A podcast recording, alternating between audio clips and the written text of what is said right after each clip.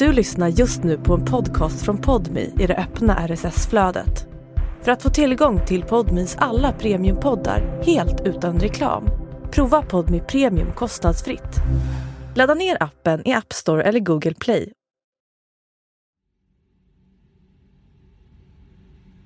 Han vill att jag ska skriva ner på ett papper liksom vem ska, ska sköta allt praktiskt när jag dör. Det ligger ett A4-papper på soffbordet. Ett formulär med frågor. Erik böjer sig fram och läser. Vad ska hända med din kropp när du dör? Vilken musik ska spelas under din begravning? Vem är din närmast anhöriga? Erik är 22 år. Han har inte funderat i de här banorna. Men den äldre mannen som lagt formuläret på soffbordet vill att Erik ska svara på frågorna och skriva under. Tänk om du skulle dö imorgon Erik. Då, då så måste ju någon ta, ta hand om det här och du förstår väl du att det är jag. Den äldre mannen är en familjevän men ingen i Eriks familj känner till det här märkliga avtalet. Han har inte heller berättat om den fysiska och psykiska terror han levt under de senaste tio åren. Erik sätter pennan mot pappret och skriver under. Han får mig till att göra det helt enkelt.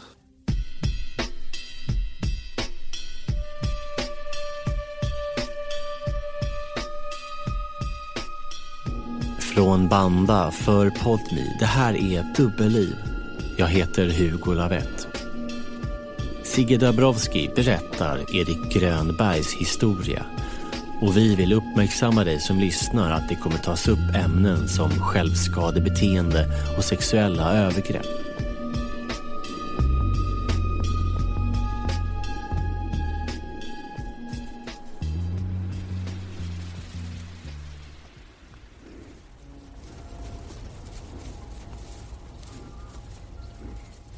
Erik Grönberg växer upp i Björksta, en liten socken öster om Västerås.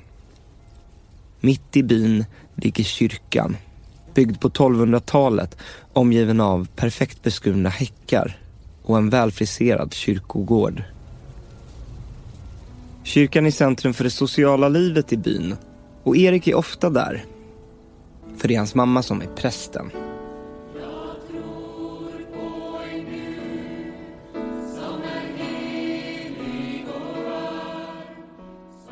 Eriks familj bor i prästgården som ligger bredvid kyrkan. Det är en gammal tradition att prästen ska ha nära till Guds hus. Prästgården är byggd runt förra sekelskiftet. Det är ett ganska stort hus. Det fanns ju tecken på att det hade funnits tjänstefolk. Det rummet som min syster hade fanns exempelvis ett, ett extra handfat och sen en trappa ner till köket och det var pigtrappen. I prästgården bes det bordsbön och godnattbön. Erik ser det mer som en ramsa än en religiös rit. Men han är fullt medveten om familjens status. Man är representant för bygden på ett sätt. Jag menar, prästen måste sköta sig, prästen måste vara ordningsam och det måste även familjen vara. De har ögonen på sig, kan man säga. Allt är iakttagen. Ehm, det, jag skulle säga alltså inte det här att du är ju offentlig fast du inte är offentlig. Alltså du är inte känd så överhuvudtaget. Men där, alltså i, den, i de sammanhangen så vet alla vem du är.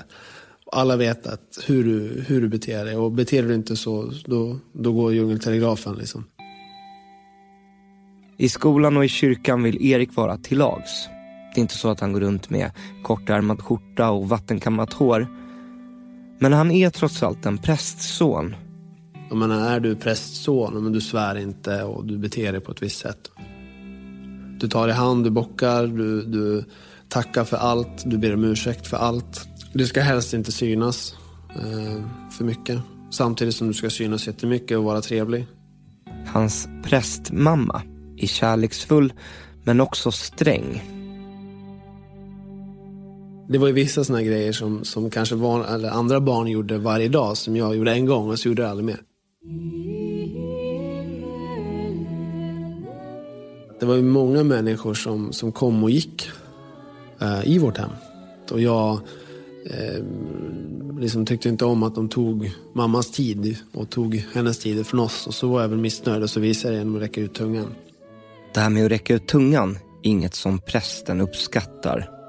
Nej, det var, jag fick ju en tydlig förklaring att det var så där gör man absolut inte. Och framförallt inte till, till den personen.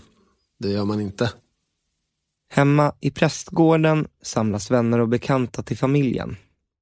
Det är särskilt en person som Erik tyr sig till, en omtyckt familjefar. Det här är en person jag litar villkorslöst på. Han är väldigt intresserad av Erik. Och han är en bra lyssnare. Vi är ju en del hos, hos honom då. Ehm, och, eller jag är en del, min, min lilla syster också är där eh, ibland. Det är helt naturligt att, att man som förälder, i det här fallet min mamma och pappa, lämnar oss till, till honom. Om Erik behöver snacka om något har familjevännen alltid tid. Han var ju liksom på något sätt nyfiken på mig. Eh, och nyfiken, det kunde vara allt ifrån liksom hur jag hur jag mådde eller hur det gick i skolan eller hur det gick på hockeyn. Eller, han intresserade sig för mig.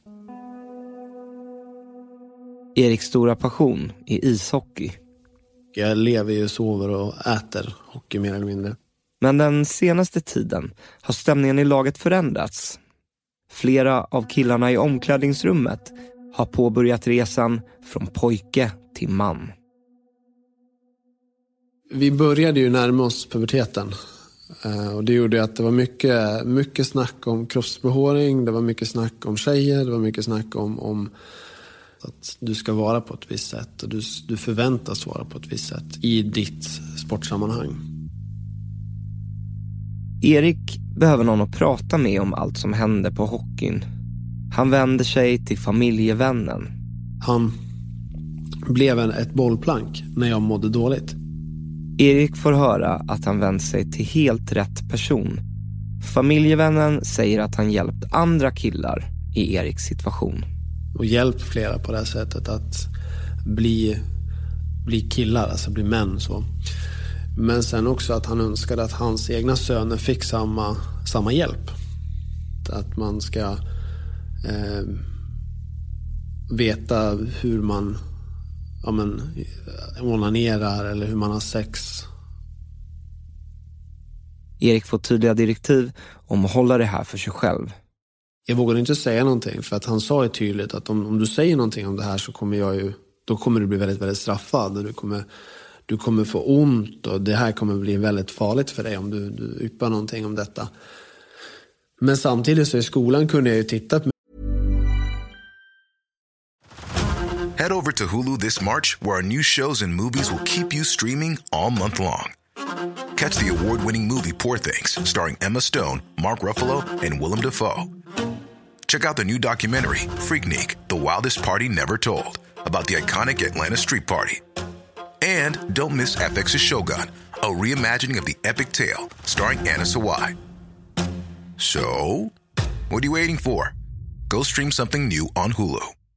Hey, I'm Ryan Reynolds. At Mint Mobile, we like to do the opposite of what Big Wireless does. They charge you a lot, we charge you a little. So naturally, when they announced they'd be raising their prices due to inflation, we decided to deflate our prices due to not hating you.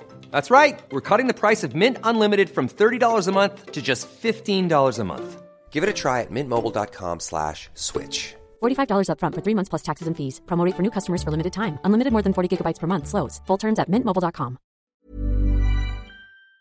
mina klasskompisar och fundera om är ni med om samma sak? Eller vad, är det bara jag som är med om det här? Är det här normalt? Eller vad är det som händer?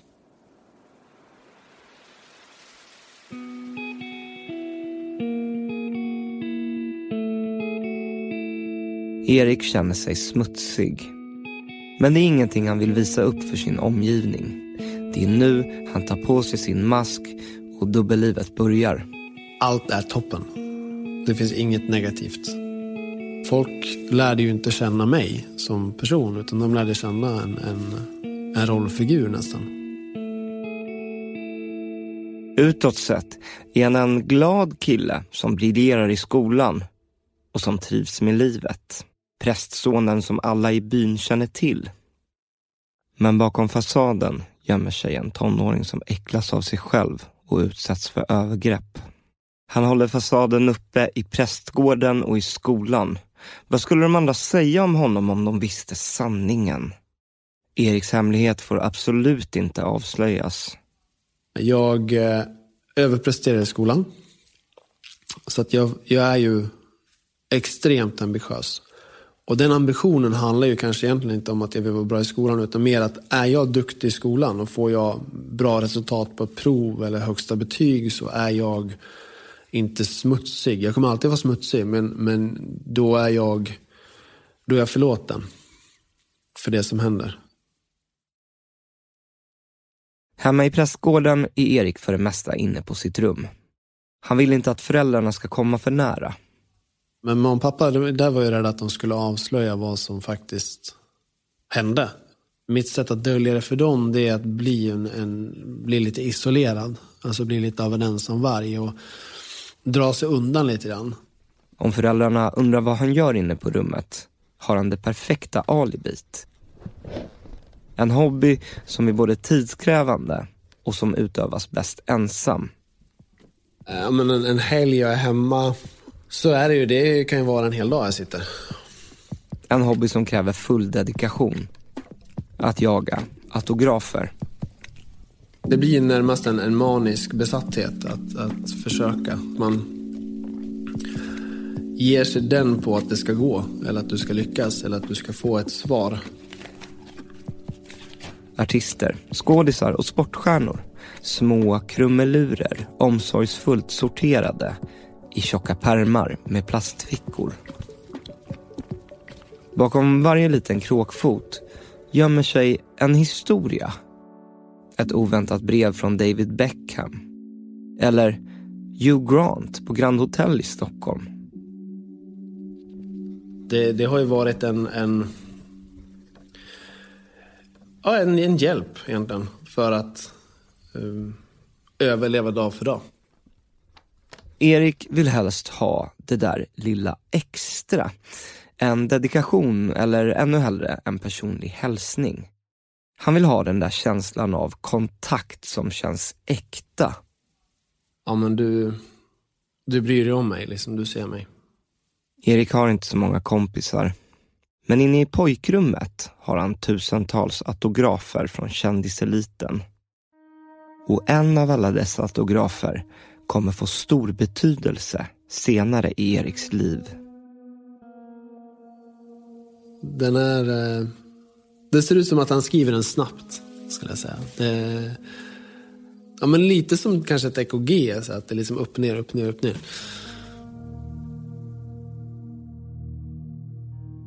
I skolan får Erik toppbetyg. Han börjar gymnasiet. Samtidigt fortsätter han tillbringa tid hemma hos familjevännen. Övergreppen har pågått från slutet av mellanstadiet. Nej men där, där var ju högst medveten om Alltså högst medveten om att det här är fel. Eh, för det, det kom ju ganska tidigt till mig att men det här det är inte normalt. Men jag var så fast i hans järngrepp. Och jag visste ju att skulle jag fly, eller skulle jag liksom säga att jag vill träffa dig, då skulle jag få... Då skulle jag bli straffad. Det är ingen som vet att Erik mår dåligt. Han lever fortfarande sitt dubbelliv som världens gladaste kille. Den enda han kan prata med om sina verkliga känslor är hans förövare. Ja, jag kom till honom då och sa liksom att ja, men jag mår inget bra. Och så sa han att ja, ja, vi, vi kunde prata om det samtidigt som jag visste att priset jag fick betala för det där snacket var ju extremt. Erik är fast i en negativ spiral. Han vet inte hur han ska ta sig loss. Han fick ju så att jag mådde dåligt samtidigt som att jag hade ångesten eh, som jag pratade med honom om. Känslan av att känna sig smutsig blir bara värre.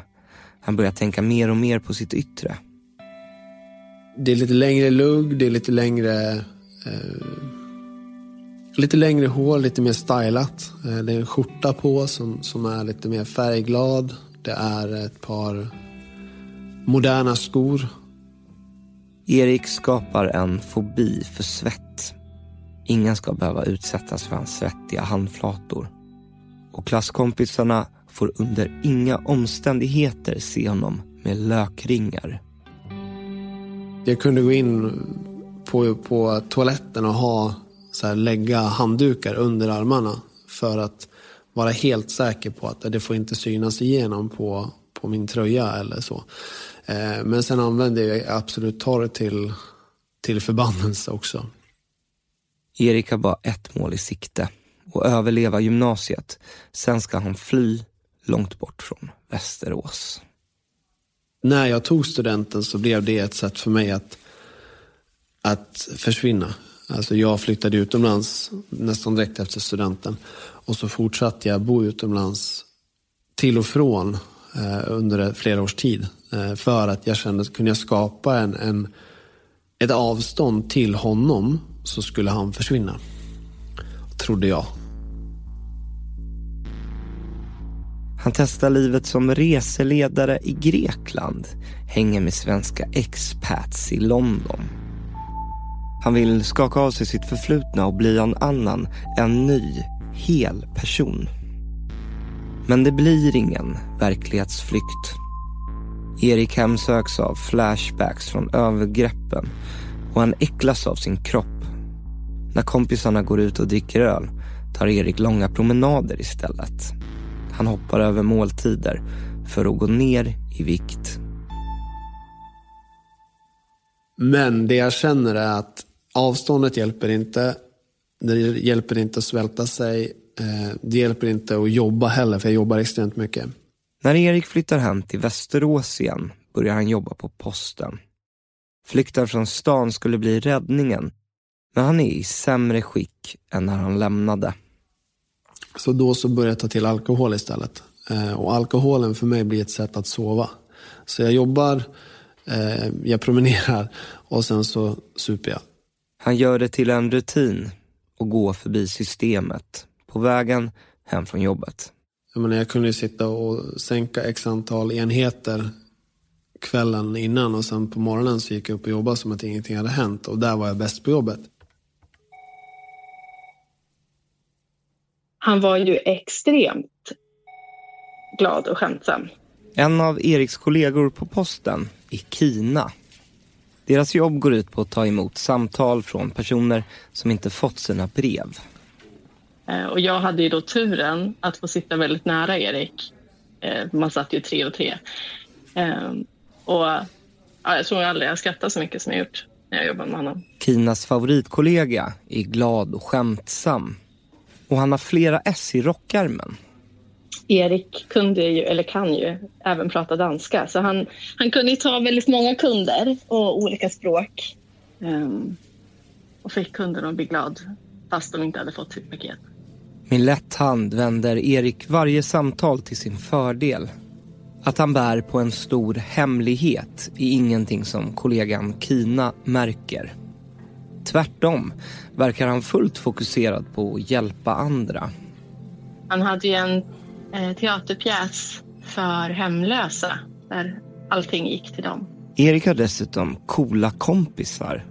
En av hans vänner är skådespelaren Rickard Wolff. Kanske mest känd för att ha gjort rösten som Scar i Lejonkungen. Jag dödade Mufasa. Det är han som ligger bakom den hastigt skrivna EKG-liknande autografen. Efter att ha gått på flera av Richard Wolffs konserter har Erik blivit vän med sin idol. Han hör av sig ibland och bara kollar läget, så är allt okej? Okay? För att jag tror han förstod någonstans att jag har någonting som jag bär på som inte jag vet var jag ska placera. I kollegornas ögon är Erik den skojiga, högpresterande killen som spelar teater och hänger med kändisar. Men när Erik kliver av scenen är han tillbaka i sitt dubbelliv. Jag satt ju alltid själv och drack. Samma runda varje dag. Systembolaget och vidare hem till lägenheten. När någon kom hem till mig så jag gömde ju allt. Alltså, Jag vet ju vid något tillfälle så hade jag ju så här två, tre sopsäckar med, med ölburkar i garderoben. Och grejen är att jag dricker bara för att få sova. För att när jag kommer hem, när det blir tyst, då kommer tankar, då kommer flashbacks. Eh, tillbaka till, eh, till badrummet när han gjorde det här eller den där platsen när han gjorde det här. Erik kan, trots allt det här, inte bryta kontakten helt med sin förövare. Han är fortfarande hemma hos familjevännen ibland. Men de fysiska övergreppen har övergått i en sorts eh, psykisk kontroll. Han vill att jag ska skriva ner på ett papper liksom vem ska, ska sköta allt praktiskt när jag dör. Så när jag dör så, så ska han vara den som, som har kontakt med allt och alla. Och det är han som, som ska vara min yttersta anhöriga egentligen. Familjevännen lägger fram ett sorts testamente på soffbordet. Han vill skriva ett avtal om att få arrangera Eriks begravning. Och då menar han på att, jag menar, tänk om du skulle dö imorgon Erik. Då, då så måste ju någon ta, ta hand om det här och du förstår väl du att det är jag. Jag blev lite chockad. Samtidigt så vet jag att han pratade om någon som hade tagit sitt liv. Som han kände innan. Ehm, och jag tror ju att han förstod vart det var på väg någonstans.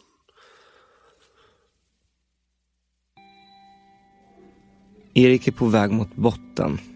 Han försöker ta sitt liv.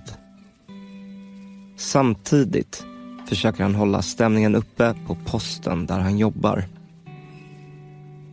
Det var väl en gång eh, som jag var lite nere på jobbet. Man kan ju bli det när man får såna här samtal en hel dag. Och då så då ringde Erik till mig. Fast han låtsades vara en dansk kund. Och sen till slut så började jag skarva. Och då insåg jag att det var han. När kollegan Kina behöver muntras upp mejlar prästsonen Erik bilder på klosterost. Han, han skämtade om att han skulle, han skulle bli munk och gå i kloster. Så det där var hans ost. Erik i posten Solstråle, killen som busringer på danska och mejlar roliga bilder. Men när han går in på toaletten och stänger dörren efter sig ser han en annan person i spegeln. Vanligtvis så hade jag en ritual när jag fick en, en ångestattack eller en flashbacksattack. Och det var att jag gick in på toaletten och så slog jag mig i magen. Och så slog jag tills det gjorde tillräckligt ont för att jag skulle bryta tankemönstret. Då. Men just den här dagen hjälper inte att slå sig själv. Den hemlighet som Erik burit med sig i så många år börjar bli för tung för att bära. Så går jag hem, jag går via systemet hem och sen så i vanlig ordning så tummar jag det jag har köpt ganska fort. Eh, men jag är liksom fortsatt, inte nykter, men jag är fortsatt eh, reko så i huvudet. Så känner jag bara det måste ut. Det måste ut. För att jag får liksom panik inombords. Och jag måste liksom berätta för någon. Och den första jag kommer att tänka på det är Rickard. Rickard Wolff, skådespelare och artist. Anledningen till att det blev han, det var just för att han... Jag kände mig trygg med honom. Jag visste att han inte skulle döma mig. Jag visste att han själv hade eh, kämpat med ångest på olika sätt. Jag visste att han också inte hade en relation till min förövare. Utan han, hade, han visste inte ens vem det var. Och mina, han hade inte någon direkt relation till mina föräldrar heller. Vilket gjorde att risken att han skulle föra det vidare var minimal. Erik sätter sig vid datorn och börjar skriva frenetiskt. Det bara skrivs. Det bara kommer. Allting bara kommer. Och så skickar jag det här mejlet för jag känner att jag måste mejla. Jag vågar liksom inte prata om det så. När Erik skickar mejlet är han känslomässigt tömd. Han känner instinktivt att Richard Wolff är rätt person att berätta för, men hur kommer hans vän reagera? Vad ska han svara? Och när? Och sen kommer ett svar ganska strax därefter och det är ju att, att han... Ja men dels så, så bekräftar han liksom hur fruktansvärt det är. Det här som, som jag beskriver. Men sen säger han att vi kan prata om det hur mycket du vill, hur lite du vill. Ja men vad du vill, så jag, jag finns här för dig om du vill. Och det var så skönt just de här orden att men jag finns här för dig. Och jag visste att, att eh, han fanns verkligen där för mig. Um, och det är, eh, det är jag honom evigt tacksam för. Det dröjer en tid innan Erik berättar för sin familj om övergreppen. Det här händer inför en födelsedagsfest hemma i prästgården dit familjevännen är bjuden. Tanken över att behöva stöta ihop med förövaren igen får Erik att bryta ihop fullständigt. När föräldrarna undrar vad som är fel väljer han att berätta. Så när jag då förklarar vem det är som utsatt mig så, så blir de alldeles... Eh, ja, de blir ju helt, helt knäckta skulle jag säga. Och där då så... De tror mig för det första och de, de stöttar mig och de verkligen, verkligen eh, eh, Are you ready to enhance your future in tech? Then it's time to make your move to the UK, the nation that has more tech unicorns than France, Germany, and Sweden combined. The nation that was third in the world to have a $1 trillion tech sector valuation. The nation where great talent comes together. Visit gov.uk forward slash great talent to see how you can work, live, and move to the UK. gör allt för att få mig på fötter igen och det är jag ju evigt tacksam för. Men sen är det ju såklart en sorg för dem att de förstår att en, en person de litar på, som jag litar på, som de trodde skulle, skulle vara en viktig person i både deras och mitt liv har gjort det här mot, mot mig. I över tio år har Erik burit på sin hemlighet. Här slutar hans dubbelliv. Eriks föräldrar åker hem till sin vän och konfronterar honom. Och eh, frågade mer eller mindre ordagrant vad har hänt egentligen.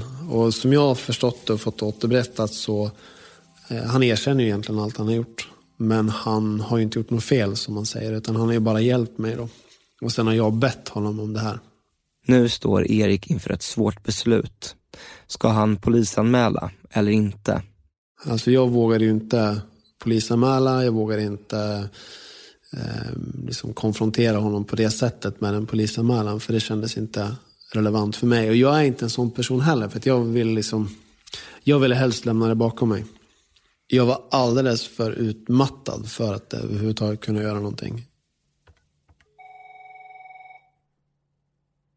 Kompisen Kina är på jobbet. Men något är fel. Erik har inte dykt upp. På morgonen så, så är det ju verkligen så alla kommer dit, går och hämtar kaffe och sätter sig vid datorn. Det är verkligen samma grej varje morgon. Och han kommer inte. Eh, och det är ingen som har hört någonting. För jag går ju och frågar såklart. Eh, ingen har hört något, så det är då jag börjar ringa och ringa. Jag vet inte hur många samtal jag ringde. Det är så när man får den magkänslan och panik verkligen.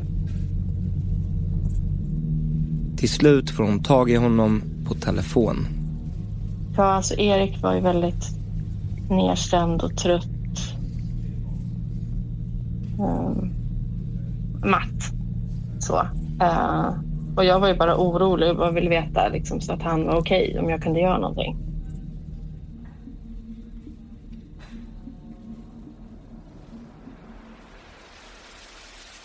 Jag försöker ju ta mitt liv en sista gång. Eh, och det blir ju på ett sätt starten på förändringen i mitt liv. Alltså jag fick en andra chans att göra så. Och den, här, den chansen vill jag ta tillvara på. Det blev nästan liksom som en revanschlust i mig. Att, jag, menar, jag har försökt supa ihjäl mig, jag har försökt jobba ihjäl mig, jag har försökt svälta ihjäl mig, jag har försökt ta mitt liv men det hjälper inte. Okej, men då måste jag göra någonting konstruktivt av det jag har kvar. Eh, och därför så, så, tror jag att min resa tillbaka till livet började efter att jag försökte ta mitt liv. Alltså, först så fick jag inte veta hela, hela historien utan det var bara bitar. Eh, pusselbitar här och där och sen till slut så, så berättade han. Till en början håller Erik sin berättelse inom familjen. Han känner fortfarande skuld och skam. Men när han träffar på bekanta på stan kan det uppstå en obekväm stämning. Folk hintar om att de vet. Så Erik bestämmer sig till slut för att gå ut med sin historia för att kunna hjälpa andra. ska man kalla det? Nej, det blir nästan som ett kall. Att, jag menar, om jag nu har gjort den här resan, eh, jag har utsatt mig själv för fruktansvärda saker efter övergreppen. Alltså jag har eh, levt nästan till i misär. Och jag vill försöka få andra att inte välja den vägen. För att den, den vägen blir inte konstruktiv på sista raden. Och det har gjort att jag försöker ju på alla sätt jag kan eh, förmedla att det finns en annan väg att gå. Och att det finns en väg att gå där man faktiskt kan lära sig, även om det kan ta lite tid, att älska sig själv igen. Det är mycket som har hänt sedan Erik valde att gå ut med sin berättelse. Han föreläser för unga ishockeyspelare om psykisk ohälsa och sexuella övergrepp. Han har skrivit en självbiografi och i december 2021 blev han utsedd till Årets västmanlänning av tidningen VLT. Alltså Erik är ju fortfarande väldigt glad. Alltså han är ju en, en sån person. Um, men han behöver inte ha den tunga masken på sig. Erik arrangerar också seminarier för andra som blivit utsatta för sexuella övergrepp. Till en av träffarna bjuder han in sin vän Kina. Där det var föreläsare och, och det var goodiebags och det var middag och sådär. Vid det här laget känner hon till hela hans historia. Men hon har inte sett honom göra sin grej och det är hon förstås väldigt nyfiken på. Han berättade inte vad det var för någonting utan han, han ville bara tacka för all hjälp och att jag skulle sova borta och det, äta god mat. Kina och hennes syster åker buss till en stor herrgård utanför Stockholm. De har ingen aning om att temat för seminariet är sexuella övergrepp och att bland annat för detta höjdhopparen Patrik Sjöberg ska föreläsa. Och när jag kommer dit och inser vad det är för föreläsare, det var Patrik Sjöberg eh, och så var det eh, några andra. Men då, så att när vi sitter där i rummet och de andra tjejerna börjar berätta eh, så ja, då kom det ju fram och då berättade jag för första gången i mitt liv. Och då sa jag till Erik, hur i hela friden, hur visste du? Och då, då svarade han bara att jag såg det. Alltså Erik såg ju att jag hade varit med om liknande. Fast jag inte ens sa någonting. Jag har aldrig berättat för någon. I tio års tid levde Erik i två parallella verkligheter. Idag lever han ett liv som han aldrig trodde var möjligt. Han har hittat sin livskärlek, Lisa, och våren 2022 fick de sitt första barn. Ja, det är eh, extremt stort. Samtidigt som jag är livrädd för att jag är rädd att jag inte kan skydda min son från det jag var med om. Eh, men jag vill och hoppas och tror att det som jag var med om skapar en, en ökad medvetenhet som också gör att vi kommer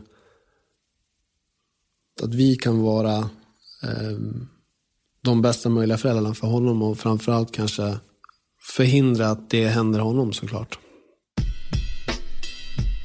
Erik Grönbergs självbiografi heter Inte ensam, aldrig glömd och den finns också som ljudbok. Om du lider av psykisk ohälsa, självskadebeteende eller blivit utsatt för sexuella övergrepp finns det länkar i avsnittsbeskrivningen här på Podmi om vart du kan vända dig för att få hjälp. Vi ska också nämna att Eriks vän Rickard Wolff gick bort 2017. Dubbelliv görs av produktionsbolaget Banda för Podmi. Reporter var Sigrid Dabrowski, producent Lovisa Lam Nordenskjöld. Slutmix Axel Rickert Berkemar. Exekutiv producent på Podmi Sofia Neves och jag heter Hugo Lavett.